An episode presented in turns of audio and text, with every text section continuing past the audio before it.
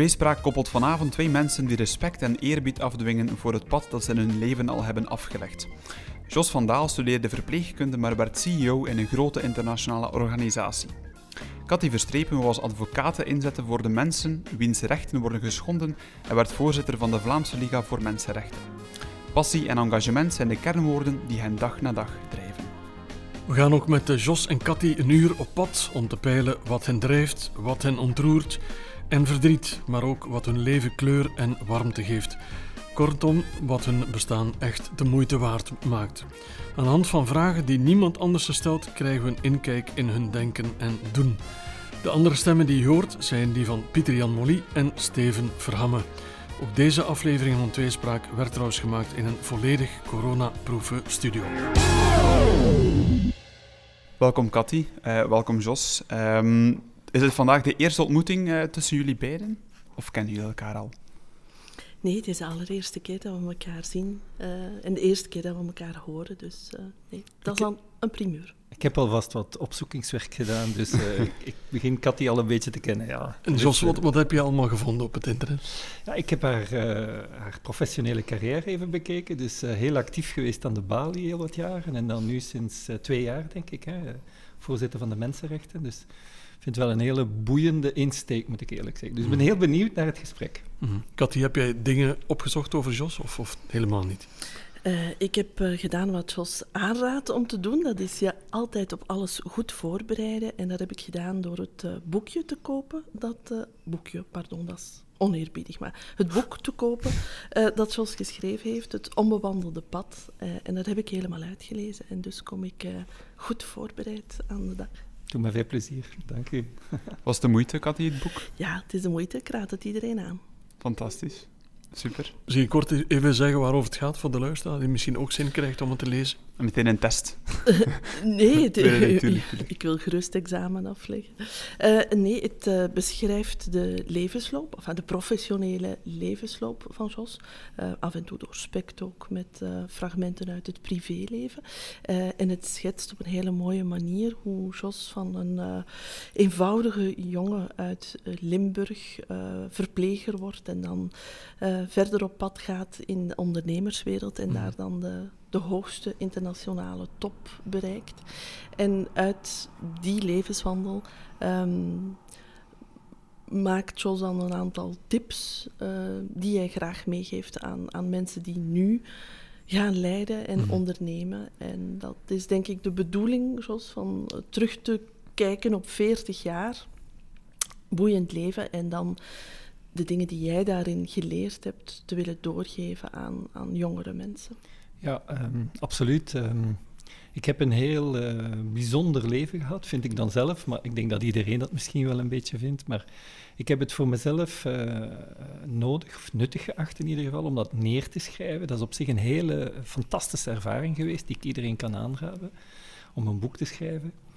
En uiteindelijk is het een, een, autobiografisch werk geworden, maar het is een beetje een combinatie tussen uh, uh, ja, een terugkijken op die dingen die in uw leven belangrijk geweest zijn, maar in combinatie met uh, het groeipad wat ik heb doorgemaakt hmm. als, als, als, als, businessman. Hè? Mm. beginnende als, als, met niets, bij wijze van spreken, en dan vandaag verantwoordelijk voor een organisatie van bijna 4000 mensen. En, mm. en ja, dat is op zich wel een heel pad die je neemt met struikelstenen en, en alles erop en eraan. Mm. Hè. En ik denk dat het boek daar probeert op een eerlijke manier mee, mee om te gaan en, en uh, jonge managers te helpen in waar moet je op letten en, en wat kan helpen. Mm. Cathy, jouw levensverhaal is ook heel boeiend. Zou het iets zijn om dat ook op boek te stellen of, of denk je daar niet aan? Nee, daar heb ik eigenlijk nog niet aan, aan gedacht. Um, ik denk er soms wel aan om iets te schrijven, maar dan zou dat eerder over mensenrechten zelf gaan, over het, het belang van mensenrechten voor de mens en voor de wereld. Maar om mijn carrière te beschrijven, nee, daar is een denk ik niet boeiend genoeg voor. Nee. Juristen hebben doorgaans een vrij saai leven. Uh, dus nee, nee ik denk niet dat daar iemand zit op te wachten. Oké. Pieter Jan, ik denk dat we helemaal opgewarmd zijn. We zijn warm gedraaid, ik voel het. Laat ons zeggen dat we starten met de eerste vraag en ik laat eh, de eer aan jou, eh, Steven. Wel, jullie hebben al een klein beetje verteld over jullie leven, wat jullie drijft, wat jullie eh, belangrijk vinden. Um, Als je er nu één ding zou mogen uitpikken, wie of wat heeft jouw leven dan voor een klein of een groot stuk getekend, veranderd, kleur gegeven? Jos, mag ik die vraag aan jou voorleggen? Ja, als je terugkijkt en, en ehm, je staat stil bij wat heeft nu het grootste impact gehad op mijn leven, dan is dat zonder twijfel mijn kinderen geweest. Uh, en en ehm, wij zijn de generatie geweest waarbij kinderen, uh, als wij trouwden, dat was het eerste waar we aan dachten. Hè. We, gaan, we gaan kinderen maken en hebben. En, en zonder daar eigenlijk heel ver bij na te denken, dat was de evidentie zelf. En het is pas vele jaren later hè, dat je begint te begrijpen van uh, ja, welke impact dit heeft op zoveel dingen. Hè. En dat zijn dan de moeilijke momenten, maar het geeft ook enorm veel rijkdom mm. aan, aan, uh, aan uw leven, zin hè, aan uw leven. Dus uh, kinderen die dan ook weer kleinkinderen brengen, dat mm. geluk heb ik dan. Hè. Ik heb ondertussen vier kleinkinderen en, en dat, is, ja, dat is gewoon fantastisch. Dus het is iets waar je uh, schoorvoetend eigenlijk inrolt. En plots ben je papa mm. of mama en het is iets wat je ook nooit meer loslaat. Hmm. En, en dat besef is er oorspronkelijk sowieso niet. Maar gaandeweg uh, uh, groeit dat besef hmm. en wordt die verantwoordelijkheid en alles wat erbij komt te kijken, uh, ja, alsmaar groter en groter. En vandaag zijn mijn, mijn kinderen het huis uit. En toch hebben wij het gevoel van, ja, wij blijven daar een stukje dat gevoel van verantwoordelijkheid over hebben. Dat, dat, dat gaat nooit weg. Je bent vader en grootvader. Ja. Zijn die twee te vergelijken of is dat iets helemaal nee, dat is, dat is toch wel erg verschillend, ja. ja. Um, ik had natuurlijk, ik moet eerlijk zijn, in mijn uh, positie toen ik jonge papa was, uh, veel uithuizig geweest. Dus ik heb het geluk gehad dat ik een echtgenote had die die, die taken toch wel voor het grootste stuk uh, voor haar rekening genomen heeft. Um, het grote verschil vind ik persoonlijk, als, als, als papa ben je echt met opvoeding bezig en, en moet je echt regels en, en, en wetten en, en de dingen goed positioneren. In de rol van opa, oma vinden we dat eerlijk gezegd veel minder belangrijk en is het veel meer genieten. En, en mag ook meer, kan ook meer en... en uh, ja, we vinden dat de opvoedende taak nu voor de ouders is. En wij zijn mm. er toch meer om, uh, om te zorgen dat ze ons graag zien en wij hen graag zien. En dat Dus een totale andere invulling toch wel. Ja. Oké, okay, top. Um, maar ik vraag me dan ook altijd af, als je zo terugkijkt op, op, wat, je, wat je uiteindelijk gedaan hebt. Kinderen tekenen ook op een bepaalde manier. Ik ben natuurlijk zelf nog uh, een stuk jonger. Um, uw pad, maar hoe, hoe, zou je zelf zeggen, als je nu terugkijkt op alles wat je gedaan hebt, um, een onderneming is sowieso ook beslissingen maken. Hebben nu kinderen op een bepaalde manier u in beïnvloed? Of gezegd van, ik bedoel, ik ga het anders al, algemener stellen. Als je een beslissing maakt, kijk je daarvoor altijd ook terug naar echtgenoten, kinderen? Of zeg je van, nee, ik, ik kom tot rust, ik neem die beslissingen meer strategisch of anders? Of kan je erover praten thuis? Of hoe, moet je dat concreet zien?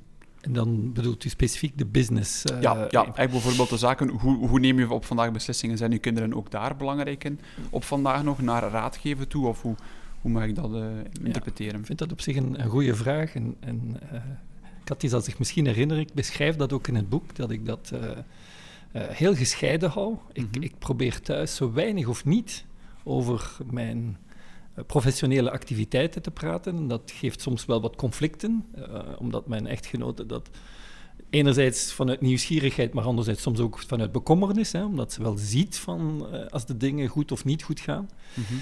Maar ik heb daar zelf geen behoefte aan. Ik heb, ik heb zoiets van, dit is mijn ding. Er is een context die niet altijd evident is om uit te leggen in drie mhm. woorden. Hè. En waar ik dan, als ik dan thuis ben, ook echt geen behoefte aan heb nee. om dat uitvoerig gaan toe te lichten. Werk en privé, dat zijn twee andere dingen. Vind ik wel, mm. vind ik wel. Wat die... soms tot uh, ja, moeilijke... Want als we vrienden op bezoek hebben, hè, dan wordt er soms wel eens een anekdote verteld en dan is mijn echtgenote van... Zie je wel, als je vrienden hebt, dan vertel je wel iets en thuis niet. Maar oké. Okay. Ook herkenbaar voor jou, Cathy, dat je ehm, privé en werk eh, strikt gescheiden houdt? Of is dat bij jou ook wel moeilijker? Nee, dat is bij mij echt absoluut niet gescheiden. Dat, dat loopt echt heel hard door elkaar. En dat komt voor een groot stuk omdat mijn kantoor thuis is. Ik heb mm. altijd van in het begin mijn kantoor, mijn advocatenkantoor thuis gehad. En dus sowieso waren mijn echtgenoot en mijn kinderen daar altijd bij betrokken. En de frustraties die ik heb in mijn beroep, zijn zo groot dat ik echt nood heb aan een klankbord thuis om dat te ventileren. En dan heb ik het ongelooflijke geluk dat ik mijn echtgenoot heb bij wie ik terecht kan. Um, we hebben elkaar leren kennen toen ik 16 was en hij 17. Um, Een beetje jeugdliefde toch ja, wel? Ja, ja, ja. Uh, ik was niet zijn uh, eerste lief, maar hij was wel mijn eerste lief. Um, hij had samen met een vriend een toneelstuk geschreven. Um, en er stond in het plaatselijke publiciteitsbladje uh, stond een advertentie: jonge auteurs zoeken jonge Act, uh, jonge auteurs zoeken jonge uh, actrices uh, of acteurs. En mijn moeder had dat gelezen en die vond dat ik veel te veel met mijn neus in de boeken zat. Uh, dus die heeft mij dan gepusht om de telefoon te nemen uh, en te bellen. Ik heb dat dan gedaan terwijl dat zij naast mij zat. Um, en dan hebben wij onze eerste afspraak gemaakt. En dat was dan uh, professioneel, hè, want hij was auteur en zijn vriend ook. Ze hadden een toneelstuk geschreven. En dus ja, dan moesten dan een casting doen. Um, en ja, dat was, uh, dat mm. was liefde op het, op het eerste zicht. En dat is ook uh, ja, uh, gebleven. En we zijn nu zoveel jaren verder. Um, en we zijn, we zijn nog altijd samen. Mm. Dus we hebben heel veel samen meegemaakt. We hebben heel veel...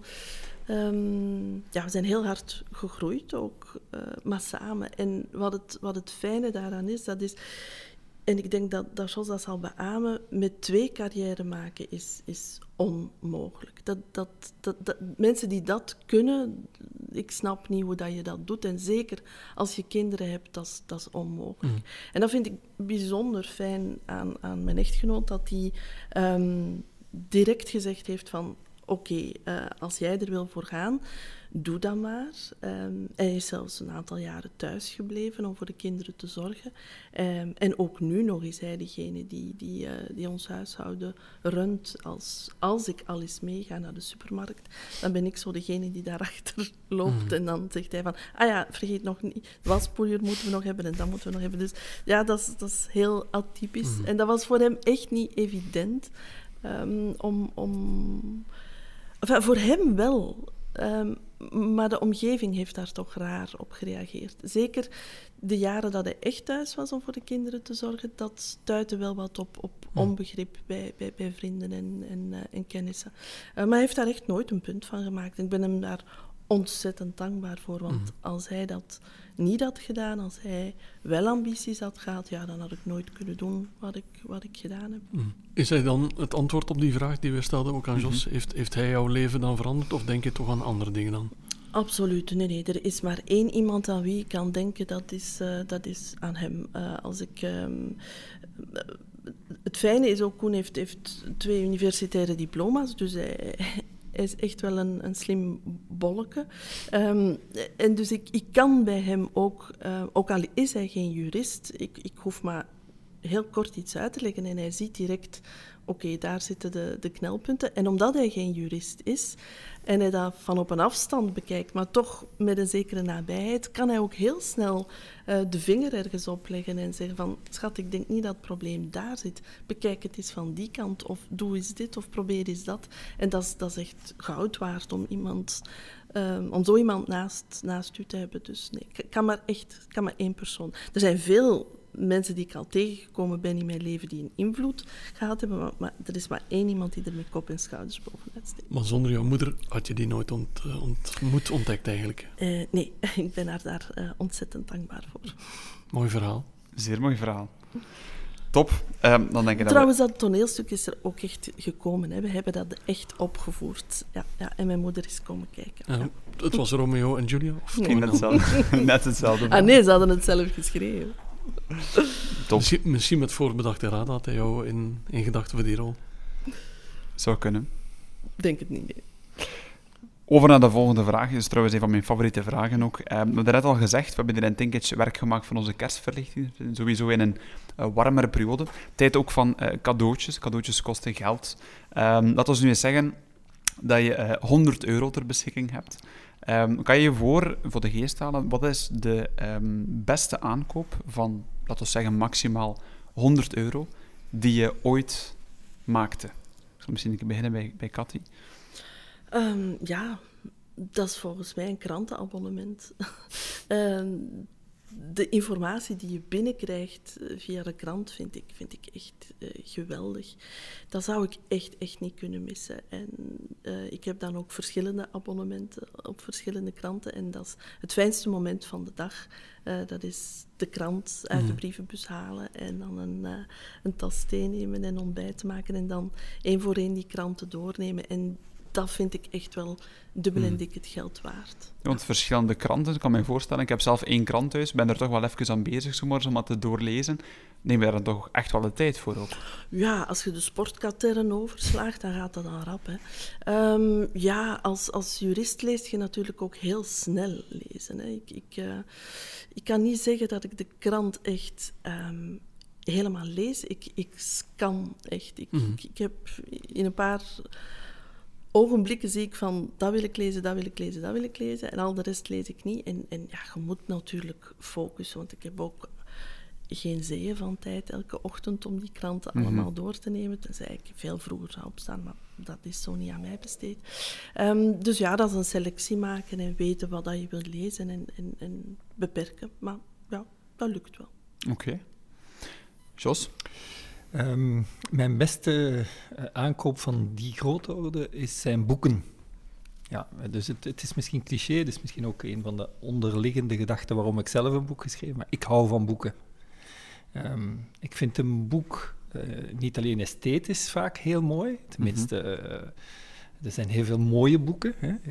dus ik, ik ben zelf eh, door, het, door eentje te maken ook uh, gefascineerd geworden door de details die eigenlijk in een boek komen kijken. Hè, van de mhm. papierkeuze en de dikte van het papier en het lettertypen en, en de kaft en, en, en, en papierschikking. Enfin, uh, zoveel details. Uh. Mm.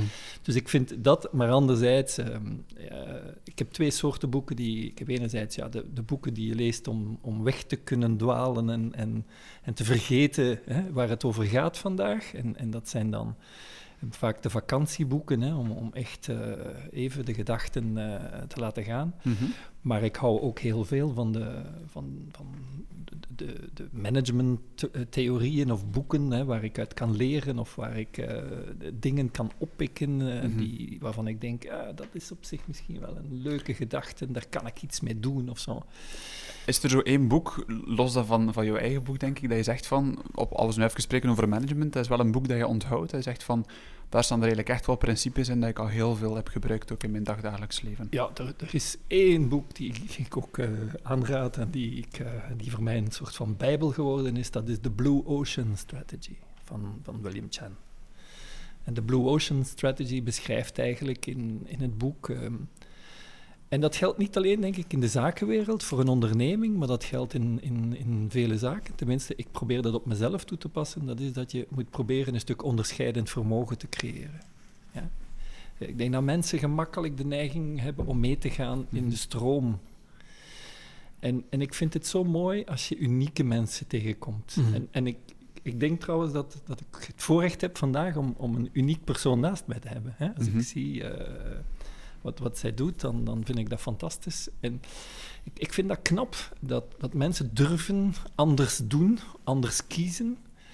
En ja, dus, dus ja, dat, dat uh, en dat boek, uh, dat is dan vertaald in hoe je dat als onderneming moet doen. Hè. Mm -hmm. zorgen mm -hmm. dat je in de blue ocean zit en niet in de competitieve red ocean, waarbij alles mm -hmm. hè, op, op economie en op prijs en geldgewin gericht is. Maar ook kijken naar ja, hoe kan je als onderneming zin geven en hoe kan je voor je medewerkers ja. zin geven en hoe kan, je, mm -hmm. ja, hoe kan je als onderneming echt wel een cultuur creëren ook. Dus, ja, dat, is, dat, heeft, dat boek heeft mijn denken in managementstijl volledig veranderd. Moet je dan soms ook tegenstroom? Want je zei dan net, uh, ik hou niet zo van mensen die altijd met de, met de stroom meegaan. Is dat ook een soort tegenbeweging tegen de stroom in? Absoluut, absoluut. Ik heb een rebelsgedeelte in mij. Een dwarsligger? Ja, ik, er, nee, ik denk niet dat ik een dwarsligger ben, maar ik ben wel iemand die heel kritisch uh, kijkt. Ik ben iemand die, die dingen graag challenged ook. Uh, dus ja, en, en dan mensen vinden dat soms vervelend. Hè? Uh, omdat ja, het is gemakkelijker van direct te zeggen, ja, het is goed. Hè? ja, dat ben ik dan. Ik ben dan net diegene die gaat zoeken van, ja, maar oh, heb je daar gedacht, kan je dit niet doen? De grenzen verleggen. Ja? En, en dat komt vaak, brengt ook heel verrassende dingen soms. Uh, heel verrijkend, heel verrijkend, absoluut. Ja. We gaan nog eens terug tot die dag dat je voor het eerst je boek, je eigen boek, in handen had. Kan je het gevoel beschrijven wat je toen had? Ja, dat was een dubbel gevoel. Want um, een boek geeft, daarin geeft je ook bloot. Hè? Um, ik heb het misschien al wat minder gehad toen het gedrukt werd, maar ik heb het heel sterk gehad toen ik het de eerste keer aan de uitgeverij gaf. Ik heb er uh, een jaar aan gedaan om het verhaal te schrijven. En op het moment dat ik het vrijgaf, was dat voor mij een soort gêne die ik heb moeten overwinnen. Want ik had zoiets van, ja, maar dat is wel mijn verhaal. En, en straks geef ik dat af en die gaan daar misschien iets mee doen wat ik niet wil. Dus ik moet dat goed afspreken, dat dat zo moet blijven. Ja, dat was een heel vreemd gevoel. Eh, enerzijds eh, heb je een stukje ijdelheid van te zeggen, ja, ik denk dat dat een interessant verhaal is, want anders moet je het niet neerschrijven. Mm En anderzijds op het punt dat ik het dan kon wereldkundig maken, dacht ik, oef. Het boek heet Het Onbehandelde Pad. Uh, heb je lang moeten nadenken voor je, vooraleer je die titel vond, Jos? De titel is gegroeid naarmate we het verhaal geschreven hebben, maar voor mij was het duidelijk. Hè, uh, in uw leven kom je op regelmatige tijdstippen op twee sprongen. En, en de kunst is om te durven kiezen voor die weg die minst voor de hand liggend is. En, en, en dat typeert een stukje mijn, mijn, mijn loopbaan. En dat wordt in het boek ook beschreven. En dus dat onbewandelde pad opzoeken, dat is iets wat mij heel eigen is. Ik, ik ga dat in alles doen. Ik ben daar nogal extreem in. Ja. Um, maar, maar, dus ja, het, het, het, is een beetje het gevolg van uh, hoe het gegroeid is en waar het verhaal dan eigenlijk over gaat. Dat onderscheidend vermogen. Ja. Het is alleszins een, een mooiere titel dan de titel die jij zelf in gedachten had, ja, vind ik. Ja, ja. Is veel origineler. Ja, daar ben ik het helemaal mee eens. Ja. Wat was de eerste titel, of mogen we dat nog niet Daarvoor weten? Daarvoor moeten jullie het boek lezen. Ja. Gaan we dan zeker doen. Dat is een verkoopstukje van, van Cathy. Dat, dat, dat hadden we goed afgesproken, ja. Nu, sowieso ook op, op het, pad des levens komen wij heel veel zaken tegen die ons leven maken, maar ook uh, soms, soms kraken. Um, maar ik denk dat de meesten onder ons, niet iedereen hebben we al gemerkt, ook tijdens de vorige podcast, wel een soort van uh, bucketlist hebben. Zaken dat je zegt van, dat wil ik toch nog in mijn leven uh, doen. Dat kunnen kleine zaken zijn, ervaringen of eender wat. Maar um, wat staat er, we gaan misschien beginnen bij Jos, wat staat er bij jou met stip bovenaan je bucketlist? De natuur beter leren kennen. Oké. Okay. Dat is een heel helder antwoord. Ja, ik, um, ja, ik heb natuurlijk uh, een heel hectisch leven. Um, ik, ik heb daar ook een aantal beslissingen in genomen die, die maken dat dat vanaf volgend jaar wel een, een andere wending gaat krijgen. Maar ik, ik heb absoluut behoefte aan rust en ik kan ook genieten van, uh, van de natuur. En ik uh, weet van mezelf dat ik van wat ik zie en hoor en ruik te weinig ken. Mm -hmm. En dus ik ga absoluut van zodra ik de tijd heb een soort opleiding of cursus, uh, uh, natuurgids gaan volgen om, om te weten wat ik zie en wat ik ruik en wat ik hoor. Vogeltjes en wat. Heel eenvoudige dingen, maar dat staat op stip nummer één. Oké, okay, top. Cathy? Ik heb daar lang moeten over nadenken, want eigenlijk heb ik geen, geen bucketlist. Um, ik, ik leef heel uh, bewust. Mijn vader is heel jong overleden. Um, dus ik besef heel goed dat elke dag de laatste dag kan zijn. Um, en dat je niet moet denken dat je morgen een fijn leven zal hebben. Uh, je moet dat fijn leven vandaag hebben.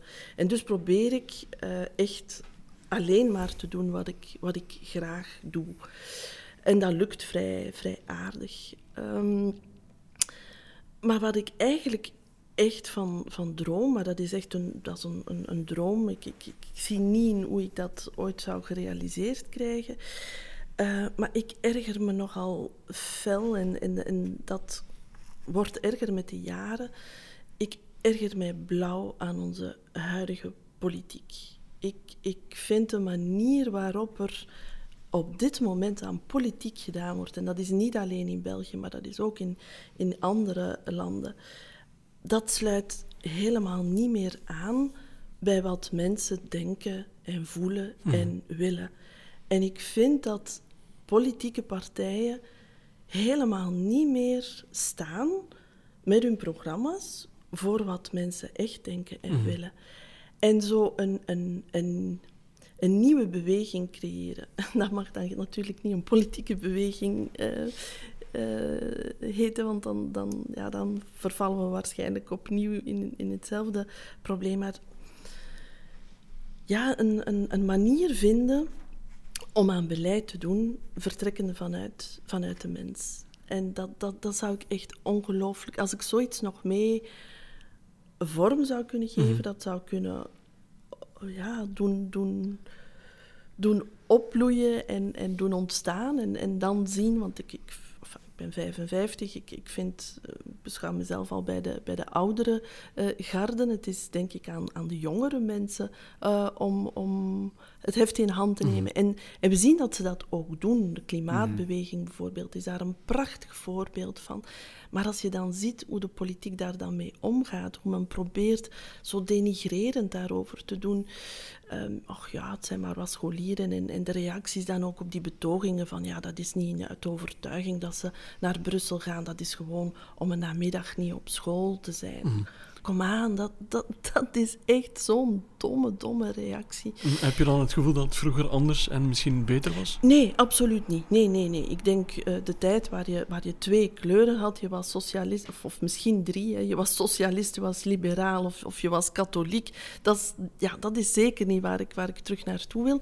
Maar ik denk dat we echt op een punt staan in, in de geschiedenis waarop het tijd is om, om daarover na te denken. En het is in België dat ik dat gevoel heb, maar ook de verkiezingen in Amerika. Als ik zie hoe de politiek erin slaagt om mensen zo tegen elkaar op te zetten en zo te polariseren dat het land onbestuurbaar wordt, dan denk ik, ja, de politiek doet net wat het, wat het niet moet. Mhm. Politiek en politici moeten mensen verbinden en vanuit die verbondenheid een beleid ontwikkelen dat voor iedereen goed is en dat, dat iedereen ten goede komt.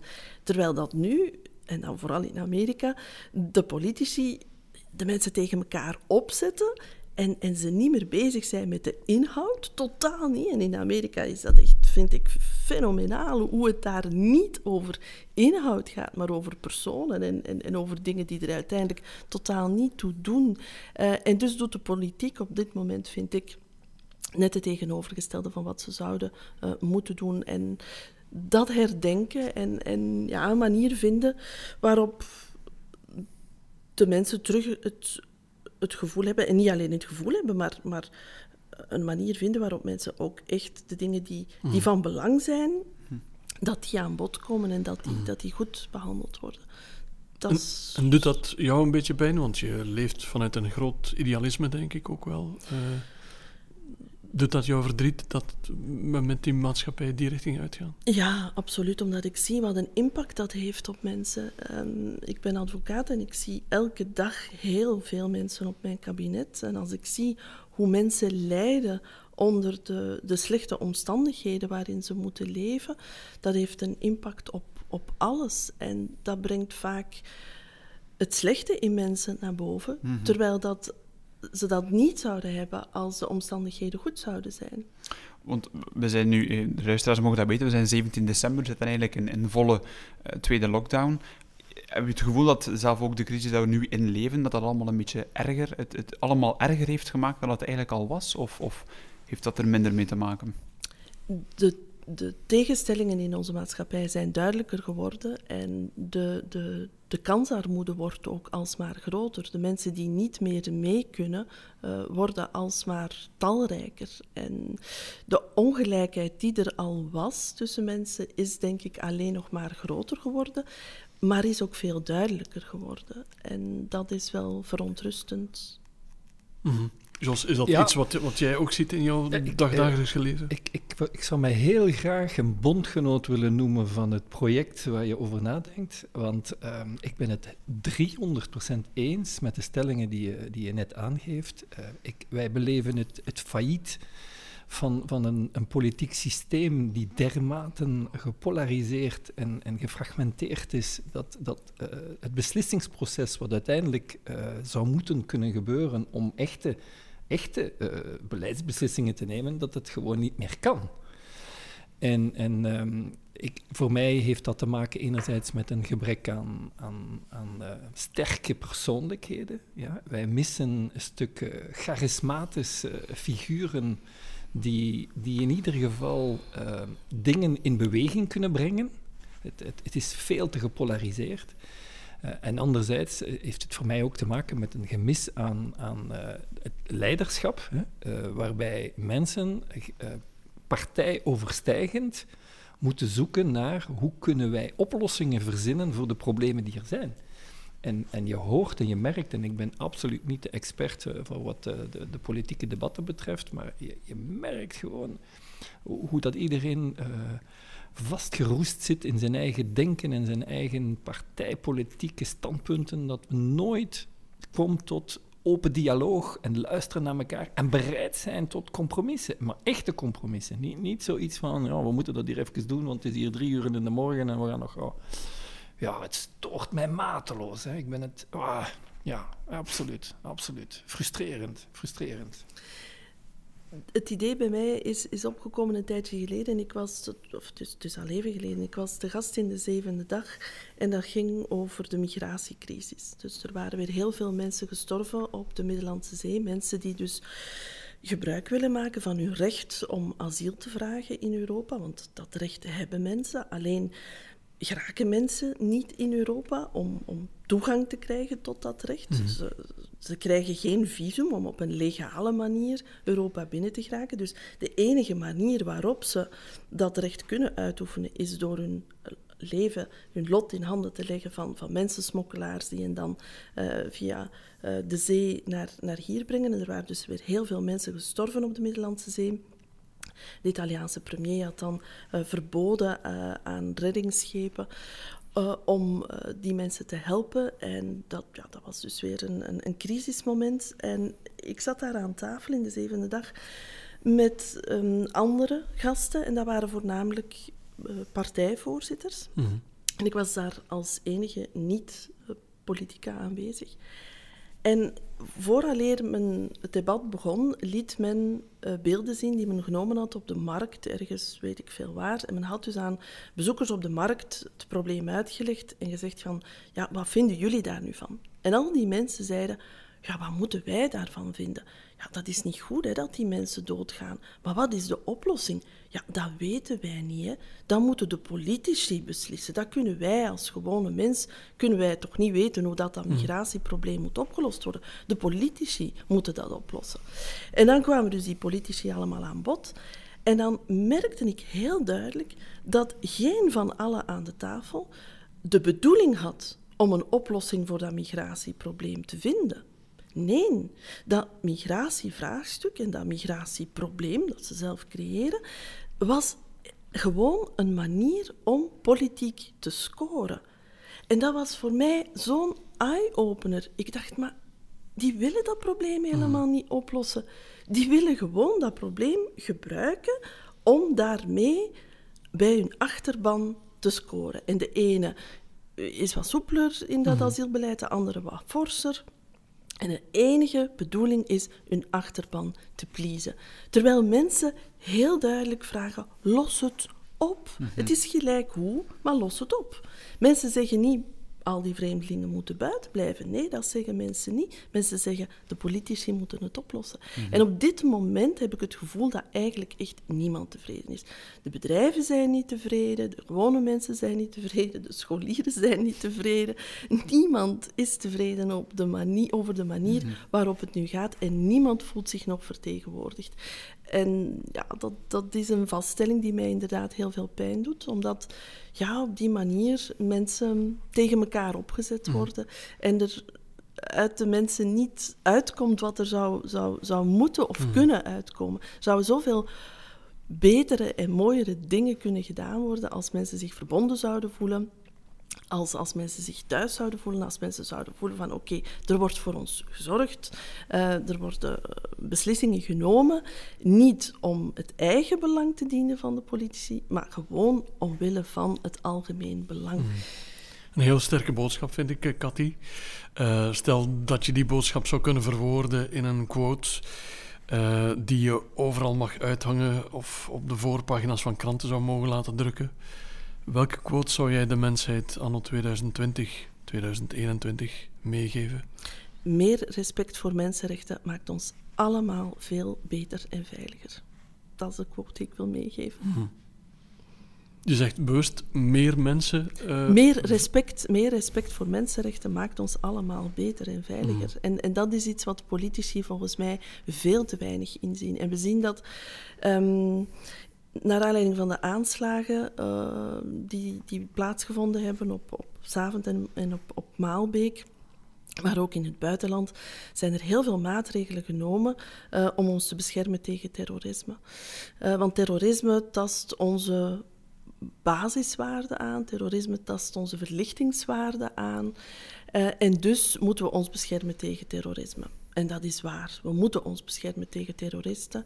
En het is de opdracht van de staat om ons te beschermen tegen terroristen. Maar als we dan zien dat die staat met de maatregelen die ze neemt onze meest fundamentele rechten schendt, ja, dan zijn we niet goed bezig. Want dan zijn we net aan het doen wat die terroristen willen. En dat is nu niet de bedoeling. En dus we hebben dat heel goed gezien in de naweeën van, van die aanslagen, in, in dat antiterrorismebeleid. Zijn er heel frappante keuzes gemaakt. Um, maar we zien dat opnieuw gebeuren in het coronabeleid. Ook daar uh, worden mensenrechten heel vaak gezien als een hinderpaal, terwijl dat net meer respect voor mensenrechten hmm. ons, ons wel veiliger zou, zou kunnen Jos, maken. we gaan de vraag ook aan jou stellen. Uh, jij hebt een quote in je hoofd en je wil die overal gepubliceerd zien. Welke mag dat zijn? Uh, het is een wat filosofischer quote, als ik eerlijk ben. Um, het is, um, het is een, een, statement, is in het Engels, hè, weliswaar. Uh, en de, de, quote is: uh, Don't chase for your dreams, but follow your heart, and dreams will come to you. Het is een, het is een quote van mm. Randy Pausch. is een, uh, een professor aan Oxford die op vrij jonge leeftijd eigenlijk gestorven is aan alvleeskanker.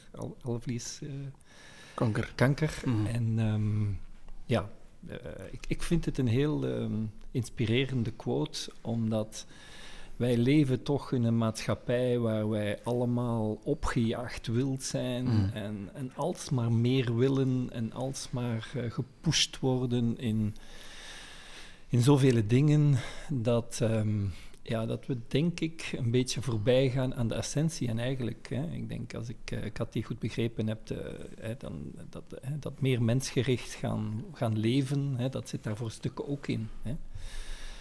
Alleen, ja, wij, wij, wij, wij, zitten nu eenmaal in de rat race en, mm. en wij worden ge, ge, gestimuleerd om, om, om dat te volgen. Dus uh, het is niet makkelijk om eruit te stappen.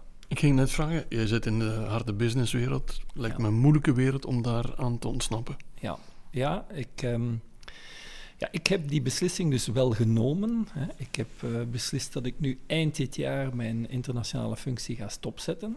Uh, dat is een keuze die ik gemaakt heb. Ik zou dat nog jaren kunnen doordoen, maar ik voel aan mezelf dat, um, dat ik die keuze moet maken. Um, omdat ik nog veel andere dingen graag zou willen realiseren. En, en omdat die druk zodanig groot wordt dat als je daar niet uh, aan, uh, een bepaald moment uh, op stopt, dat het voor jezelf ook niet meer gezond is. Dus um, ja, is dat een gemakkelijke keuze geweest? Nee, omdat het, het comfortgevoel zegt, goh, hè, ik heb wel iets bereikt, ik heb een bepaalde... dus we doen door. Maar ja, dan, ben ik, dan denk ik van, ja, ik stop dan nu. Wanneer, ik herken dat gevoel wel een beetje. Een van onze vorige gasten was uh, dokter Luc eh, Colomon, die, uh, die ook eigenlijk zijn functie bij het ziekenhuis heeft opgezegd om zich fulltime te richten op stop darmkanker VZ2. Dat was ook een beetje het verhaal van iemand die echt heel, heel gefocust was en heel veel druk ervaarde. Maar je spreekt daarnet ook over een, een constante druk. Je zei daarnet ook al, 4000 personen onder jouw verantwoordelijkheid. Dat moet toch een gigantische druk zijn dat je elke avond toch mee naar huis neemt, maar dan allee, minder over praat misschien, maar hoe ga je daarmee om in godsnaam? Dat je zegt van, ehm, heb je bepaalde momenten dat je, dat je toch even alles moet loslaten en vind je dat genoeg in een boek of zijn er echt principes dat je zegt van, ik moet hier nu even volledig relaxen of, of mediteren of hoe, hoe gaat dat in zijn werk bij jou? Ik heb denk ik het gevoel dat ik, ehm, en dat zijn mensen die dat wel bevestigen, ik heb een vrij hoge stressdrempel. Hè? Dus ik, ik kan wel wat aan. Ik, ik, heb, ik ga niet gemakkelijk uh, in paniek schieten. Of, of, uh, dus ik, dat leer je ook. Hè? Je, je, leert ook met problemen omgaan en je leert ook zaken relativeren. Maar je hebt absoluut nodig, en voor mij zijn de weekends daarin uh, super belangrijk om, om die momenten te vinden, om, ja, om terug uh, tot rust te komen en, en uh, met andere dingen bezig te zijn. En dat zijn dan heel eenvoudige dingen. Hè. Een goede film, dat kan mij geweldig ontspannen, of een goed boek, of, of, of gewoon een wandeling in het natuur. En, en that's it. Ja. Het moet niet ingewikkeld zijn, mm -hmm. voor, voor, mij tenminste niet. Mm -hmm. Het brengt ons nodeloos bij de, bij de volgende vraag. Die gaat over ontspanning, die gaat over onze gedachten verzetten. En dat mag al eens op een manier die niet voor de hand liggend is. De guilty pleasures uh, noemen we ze in het Engels. Hè. Wat is dat voor jou eigenlijk, Cathy, zo'n guilty pleasure? Ik heb eigenlijk geen guilty pleasures. Ik heb heel veel pleasures. Kom, kom, iedereen, iedereen nee, heeft er wel. Nee, nee, nee. Ik heb heel veel pleasures, maar ik voel me daar echt niet guilty om. Echt niet. Uh, schuld is, is, is echt een totaal nutteloos gevoel, vind ik. Dat, dat is echt tijdverlies. Mm. Je, je, hebt een, je hebt een vrije wil en, en je beslist zelf of mm. dat je iets doet of niet doet. Um, maar gebeurt het dan wel eens dat je reacties krijgt die je niet had verwacht op die pleasures? Mm, nee. nee. Want ik doe ook geen dingen waar dat andere mensen last van hebben. Hè. Um, uh, nee, ik vind, ja, als je beslist om iets te doen, dan doe je dat en dan moet je daar gewoon niet schuldig om voelen. Als ik goesting heb om, om, om een stripverhaal te lezen, ja, dan lees ik een stripverhaal. En is dat dan verloren tijd, dan is dat verloren tijd. Maar nou, het, het, ik, moet, ik moet mij daar niet schuldig om voelen. Het kan ook op zich, denk ik, in twee manieren. Dat, dat kan vooral ook zijn dat je zegt van, ik ben verslaafd aan Toblerone, maar als ik, als ik één stukje eet, dan heb ik heel de reep op, voel ik me achteraf misschien wat schuldig. Dat, dat zou ook een guilty pleasure kunnen zijn. Nee, nee, dat is nee. niet. En wat zijn dan zo de, de bekendste pleasures van, van, van Cathy? Uh, oh, er zijn er echt heel veel hoor. Um, uh, Scandinavische series. Okay. Uh, ik kan me helemaal in verliezen. Um, zo die, die, die, die echte Scandinavische mm. crimies, die, die, die vind ik geweldig. Dan kijk, je, dan kijk je er een paar naar elkaar? Um, ja, ja dat, maar nooit meer dan twee. Hmm. Nee, nee. Um, uh, maar zo die, die, die, ja, die, dat Zweeds en dat Deens, ik vind dat ook fantastische talen. Uh, om, om die uit elkaar te houden ook. Om dan te horen van, ah ja, die is nu aan het zingen, dus dat is Zweeds. Of uh, ja, dat mm-hmm. klinkt als West-Vlaams, dus dat is Deens. ja, vind, vind ik. Maar ik ben nog niet zo ver dat ik het kan volgen zonder ondertitels. Zo, zo, zoveel heb ik nog het West-Vlaams of? nee, het West-Vlaams lukt me gelukkig al, al, al, flink. nee, dat, dat, dat, dat doe ik heel heel graag. Ik kook ook heel graag, uh, met alle gevolgen van dien voor de lijn. Um, en dat is ook iets waar ik heel hard kan bij ontspannen. Um, ja. Groenten snijden, dat is, dat is fantastisch om, uh, om de stress los, mm. te, los te laten. Hè. Want het moet dan wel een, een scherp mes zijn. Mm -hmm. um, en voor de rest, ja, ik ga graag op reis. ik lees ontzettend veel en graag. Ik wandel heel graag. Uh, ik heb een hond uh, die dat gelukkig ook heel graag doet. Het zijn uh, allemaal heel onschuldige guilty pleasures, ja. maar zeg, zeg zoiets iets, iets, iets heel Nee, geks. er is echt, echt niks, Do, niks. Doe eens wat. Nee, er is echt niks stout. Nee, nee echt, okay. echt, echt, We gaan nee. niet verder aandringen. ik, allee, ik heb het er straks gezegd, hè, mijn moeder heeft mij... Um, ertoe aangezet om, om op die annons in te gaan. Ik was echt een heel braaf kind en denk dat ik dat eigenlijk nog altijd ben.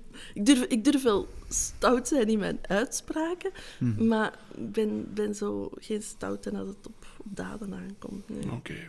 Jos, jij durft al eens tegen de stroom ingaan. Hè? De verwachtingen zijn nu al hoog gespannen. Ja, en, en, dan gaat het waarschijnlijk heel banaal klinken. Ik heb echt wel een guilty pleasure. En dat is een, uh, een, een heel uh, slechte gewoonte waarschijnlijk. Maar uh, het laatste wat ik doe s'avonds, elke avond, voor ik naar de badkamer ga. Dat is nog een stukje chocolade eten. en, en ik heb daar soms een bepaalde schaamte over dat ik het zelf stiekem doe, zodat dat mijn vrouw het niet kan zien. Dat, dat lijkt belachelijk, maar, uh, maar ik kan het mij niet laten. Ik moet elke dag voor ik... Uh, dat is zo de laatste handeling die ik nog doe. een stukje ik, chocolade. Een stuk chocolade. En pure fondant? Ja, dat is dan ja. wel de, hè, de 70, 80 uh, procent. Ja, dat, ja absoluut. En, en als de chocolade toevallig op is, dan is het crisis? Oh, oei, Cathy, ik heb een assortiment chocolade thuis. Kan, je wil kan het niet nooit, weten. Nee, kan nee, nooit op. nee, nee, dat, is, dat is nog nooit gebeurd weten. Nu, blijkbaar pure chocolade, één stukje per dag, dat kan totaal ook geen kwaad, en dat schijnt.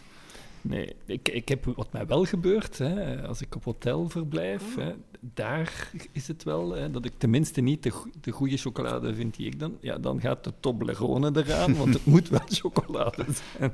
Ja. Een bepaalde voorkeur voor een... Wat mij zegt van fondant sowieso 70, 80 procent, want sommige mensen zijn daar niet zo fan van, maar dat is echt wel de pure, pure Ja, ja. chocolade. Lint. Lint. Lint, ja. Ja. ja. Fantastisch. Ja. Ja. Jij bent de eerste gast die, die zoiets eh, zegt in die richting, denk Ja, ik. Hè? ja, ik denk dat het vooral merk van eten, maar het is zo'n een, een gekende guilty pleasure, maar wel een hele mooie natuurlijk ook. Het is, eh, maar niet dat je zegt de hele reep, echt een, een stukje. Nee, nee, nee, nee, dat is, eh, dat is een blokje. Hè. Een blokje. Maar ja, ik wil die smaak wel nog eh, hebben. En dan ga ik mijn tanden poetsen en ben je het meteen ook weer kwijt. Dus eigenlijk heeft het ook geen enkele zin om het te doen. Maar goed. Maar nu, nu, nu dat ik er verder over nadenk, ik, ik- Ah. ja, ik, ja, ik Er is er iets. eigenlijk- ja, ja, ik denk, het- denk het wel. Yes. Ehm, katten- en, en hondenfilmpjes. Dat, dat, Daar kan ik mij zo wel echt... En dat is, dat is echt... Dan heb ik, ik, ik... Ja, dat schuldgevoel, ik dacht dat ik dat niet had. Maar eigenlijk heb ik dat wel. Als ik zo iets te lang... ehm, ik was iets aan het zoeken... En, en dan kom ik zo ja, op een katten- of een, of een hondenfilmpje terecht en dan blijf ik daar Blijf ik kijken. kijken. En Niet op, niet op TikTok? Of, eh, nee, nee, nee. Zo, als, als voorzitter van de Liga voor Mensenrechten uh, installeer je TikTok niet op uw, op uw smartphone. Hè. Dat is echt geen goed idee.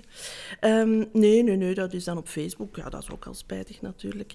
Uh, als voorzitter van de Liga voor Mensenrechten. Maar ja, er is jammer genoeg niet echt een alternatief voor Facebook. Dus Nee. uh, zolang dat dat er niet is. Maar dan denk ik soms achteraf wel van... Allee, waarom, waarom heb je nu minutenlang naar zoiets stom zitten zien? Maar het is wel grappig. Dat, vind, dat vind ik nu echt wel een guilty pleasure. Ja, dat Ja, is waar. dat is een ja, mooie. Ja, Dat is ja, echt, ja, ik, geef, ik geef het toe. Ik dacht dat ik het niet had, maar, maar het is niet... Ik dacht bij een, daarom dat ik misleid was. Ik dacht bij een guilty pleasure aan iets stout. Mhm. En dat is niet stout, hè. Nu, Lieve Boeven keek naar thuis elke avond, eh, dus dat was een guilty pleasure, dus dat vind ik eigenlijk ook een Maar hele... dat is toch, maar dat is toch niet... Maar dat, ik vind dat woord guilty... De, de, die, die is denk ik meer gewoon de-. Meer gewoon de term. Dat is echt Ja. een beetje het gevoel van, ik mag hier niet te veel van de chocolade eten, of mijn vrouw ziet het... eh, Ja. Maar eigenlijk is het ook niet echt guilty, het is meer eh, echt pure pleasure. Maar je zegt er ook een interessante, eh, Jos, dat brengt me ook naadloos aan de volgende vraag, maar je zegt ook, dat is mijn avondritueel. Dus op zich ook denk ik dat je misschien 's morgens ook een, een vroegere vogel bent dan om op te staan. Misschien vroeger dan, dan een kattie, denk ik.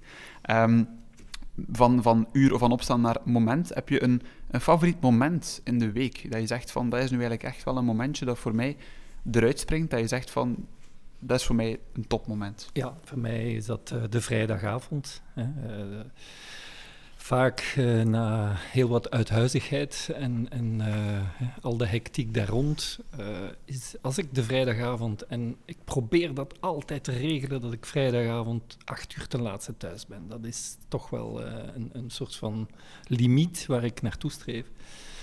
En dan thuiskomen en weten, eh, en mijn, mijn echtgenoot is daar ondertussen ook al op getraind, durf ik bijna zeggen. Hè. Dan, dan, ja, dan zakt de stress weg. Dan drinken we een glasje wijn en dan eten we een klein stukje en dan praten we. En dan weet ik van morgen vroeg is er niks dat mij verplicht om op te staan. En, en dan is het wow, genieten.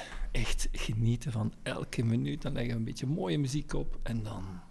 Dat is onze vrijdagavond. Ja, dat is Fantastisch. heerlijk. Echt waar. Fantastisch. Echt genieten. Dat die vrijdagavond, is dat ook een topmoment voor jou of kies jij voor een andere dag? Ehm, ja, bij mij is dat een beetje anders, omdat mijn echtgenoot heeft, heeft vrij onregelmatige werkuren. En dus ja, eh, heel vaak is hij er niet dan, de vrijdagavond. En dan zo ja, thuiskomen en dan alleen een glas wijn drinken en iets eten. En een aangenaam muziek. Dat is plezant. Een paar maar het is- niet een paar kattenfilmpjes dan. Eh, ja, dat is niet hetzelfde.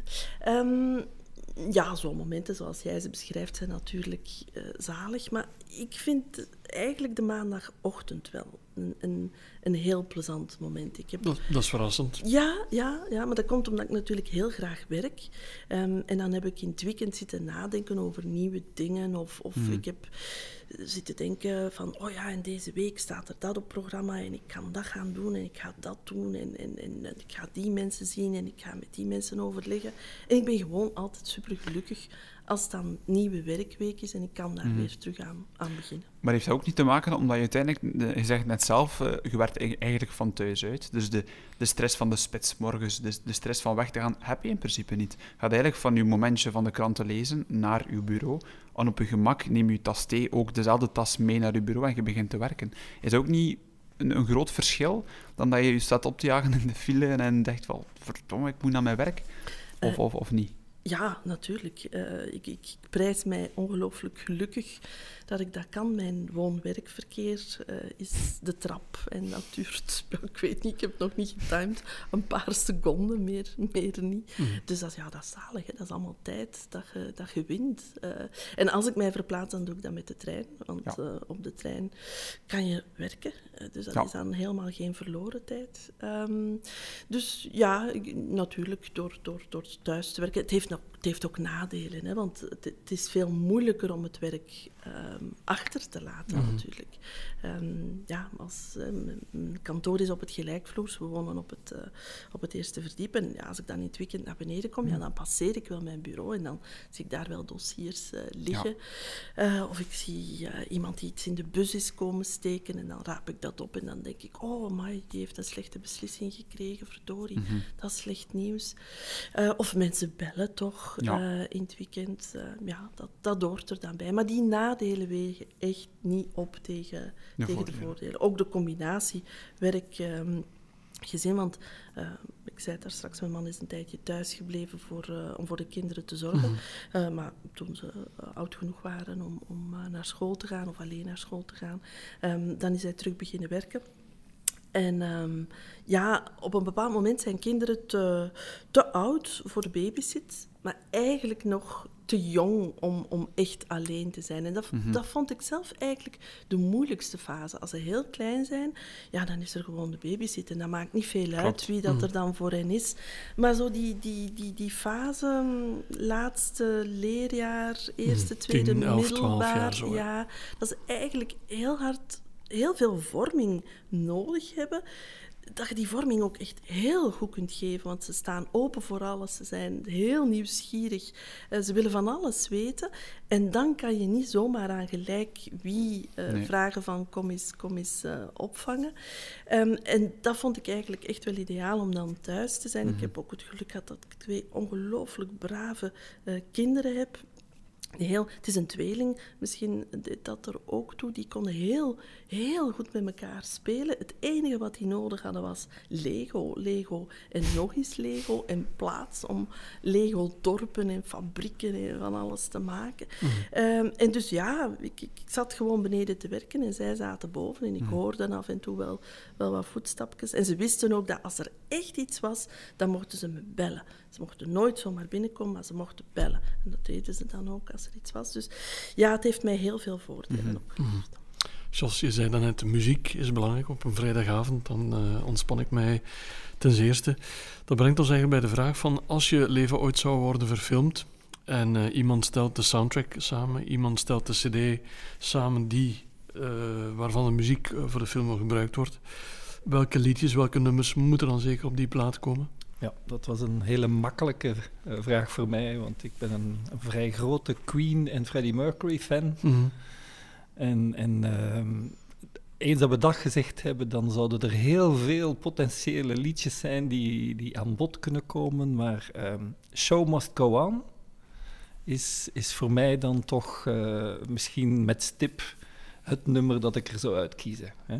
Zijn, ik vind zijn, het, het, het, uh, het, stuk dat ze gevonden hebben na zijn dood, hè, uh, uh, vind, ik, vind ik eigenlijk ook wel, wel knap. Er zijn, ja, Queen heeft zoveel, en, en Freddie Mercury uh, als, als solozanger ook, heeft zoveel prachtige dingen mm. gemaakt. Daar, daar zou ik in verdwalen van, wat moet ik hier nu kiezen? Maar als ik er één moet noemen, dan is het, is het toch wel uh, mm. dat lied, denk ik. En heb je de film gezien rond de biografie van Mercury? Absoluut, ja. absoluut. Ja, geweldig, geweldige film. Ik aanraden voor iedereen, omdat het is een, een, een, prachtige performance ook neergezet. En, en ja, ja, schitterende film. Mm. Absoluut. Bohemian was Rhapsody. was wel iemand met een uh, bijzonder grote uh, uitstraling. Is het dat wat, wat je zo boeit in die figuur? Ja, misschien, uh, ja, misschien ben ik dan weer, hè, dan zit ik weer in hetzelfde. Queen is echt een groep geweest die zich, die zich echt op alle manieren onderscheiden heeft van, van zoveel andere muzikanten die ook mooie muziek konden maken.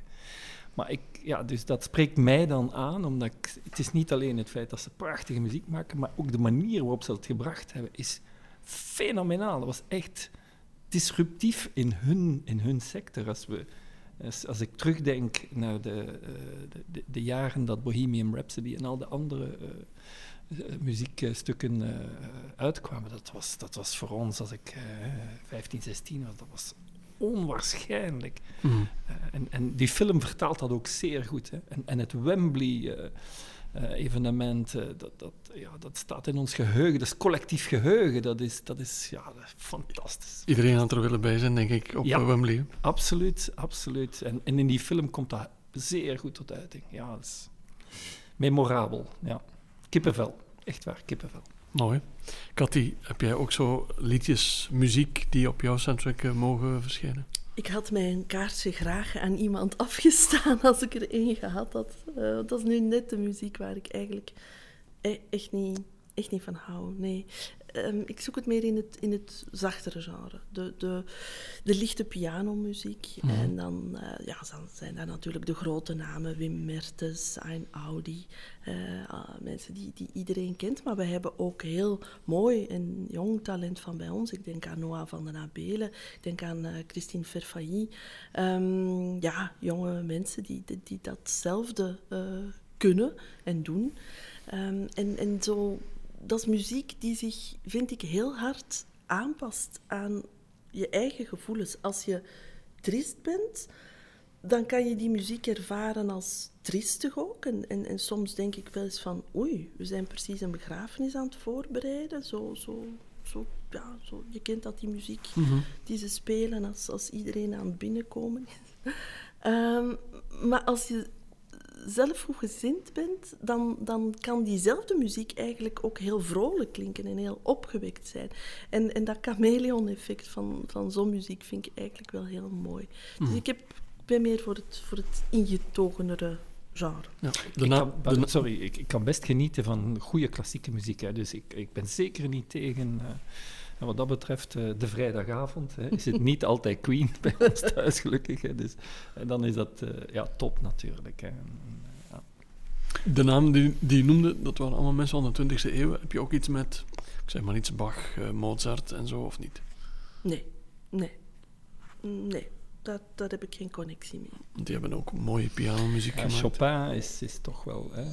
Ja, maar ik, ik, ik vind mijn gading meer bij, bij, bij de jongere garde. Het sluit meer aan bij, bij vandaag, ja.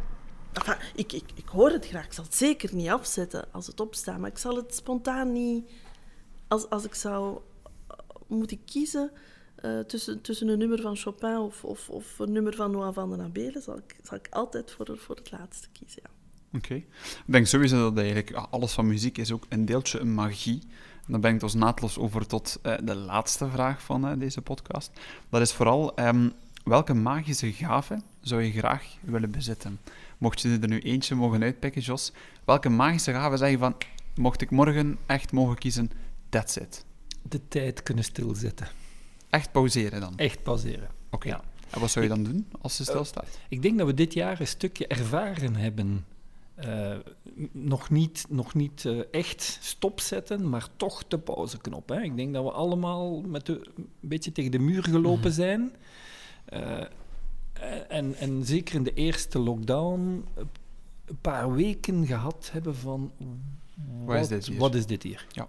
En, en oei oei, we kunnen nog altijd leven, maar het is anders. Maar dus we zijn daar toch wel geconfronteerd geworden met een, ehm, eh, een totaal andere manier van daginvulling en, en, mm. en, en, hoe bezig zijn en, en whatever. En kon je daar ondanks de omstandigheden echt van genieten ook, van die, van die andere manier van leven dan?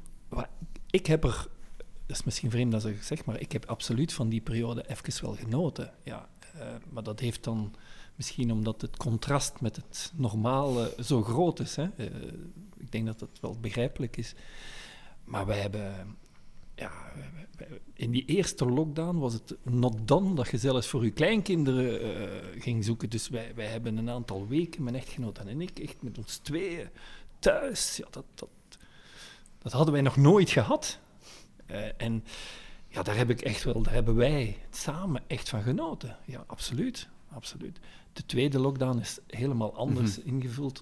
Ondertussen toch wel dingen geleerd hebben en, en, en, de contacten en de, de knuffelcontacten. En dus het is niet meer vergelijkbaar. Het is anders. Hè? Het is anders ja. Dus de tijd kunnen pauzeren. Ja, kijk, dat is natuurlijk utopisch, hè, maar uh, ik, ik, ben ook op een moment in mijn leven gekomen dat ik graag de tijd zou... Ik zou eigenlijk liefst niet meer ouder willen worden. Het is... Ja. Het, je, je voelt dat je eigenlijk op een toppunt bent. Ja. Hè? Fysiek, mentaal. Uh, je hebt het redelijk goed op orde. Uh, en eigenlijk is, ja, is het, uh, kan het alleen maar minder worden. Ja. En, en dat gevoel, oh, ik ben daar, lig daar niet wakker van. Maar ik besef wel dat het, uh, dat het niet veel beter kan worden dan wat mm -hmm. wij het hebben momenteel. Dus dat, ja. dat moet je dan vasthouden. vasthouden.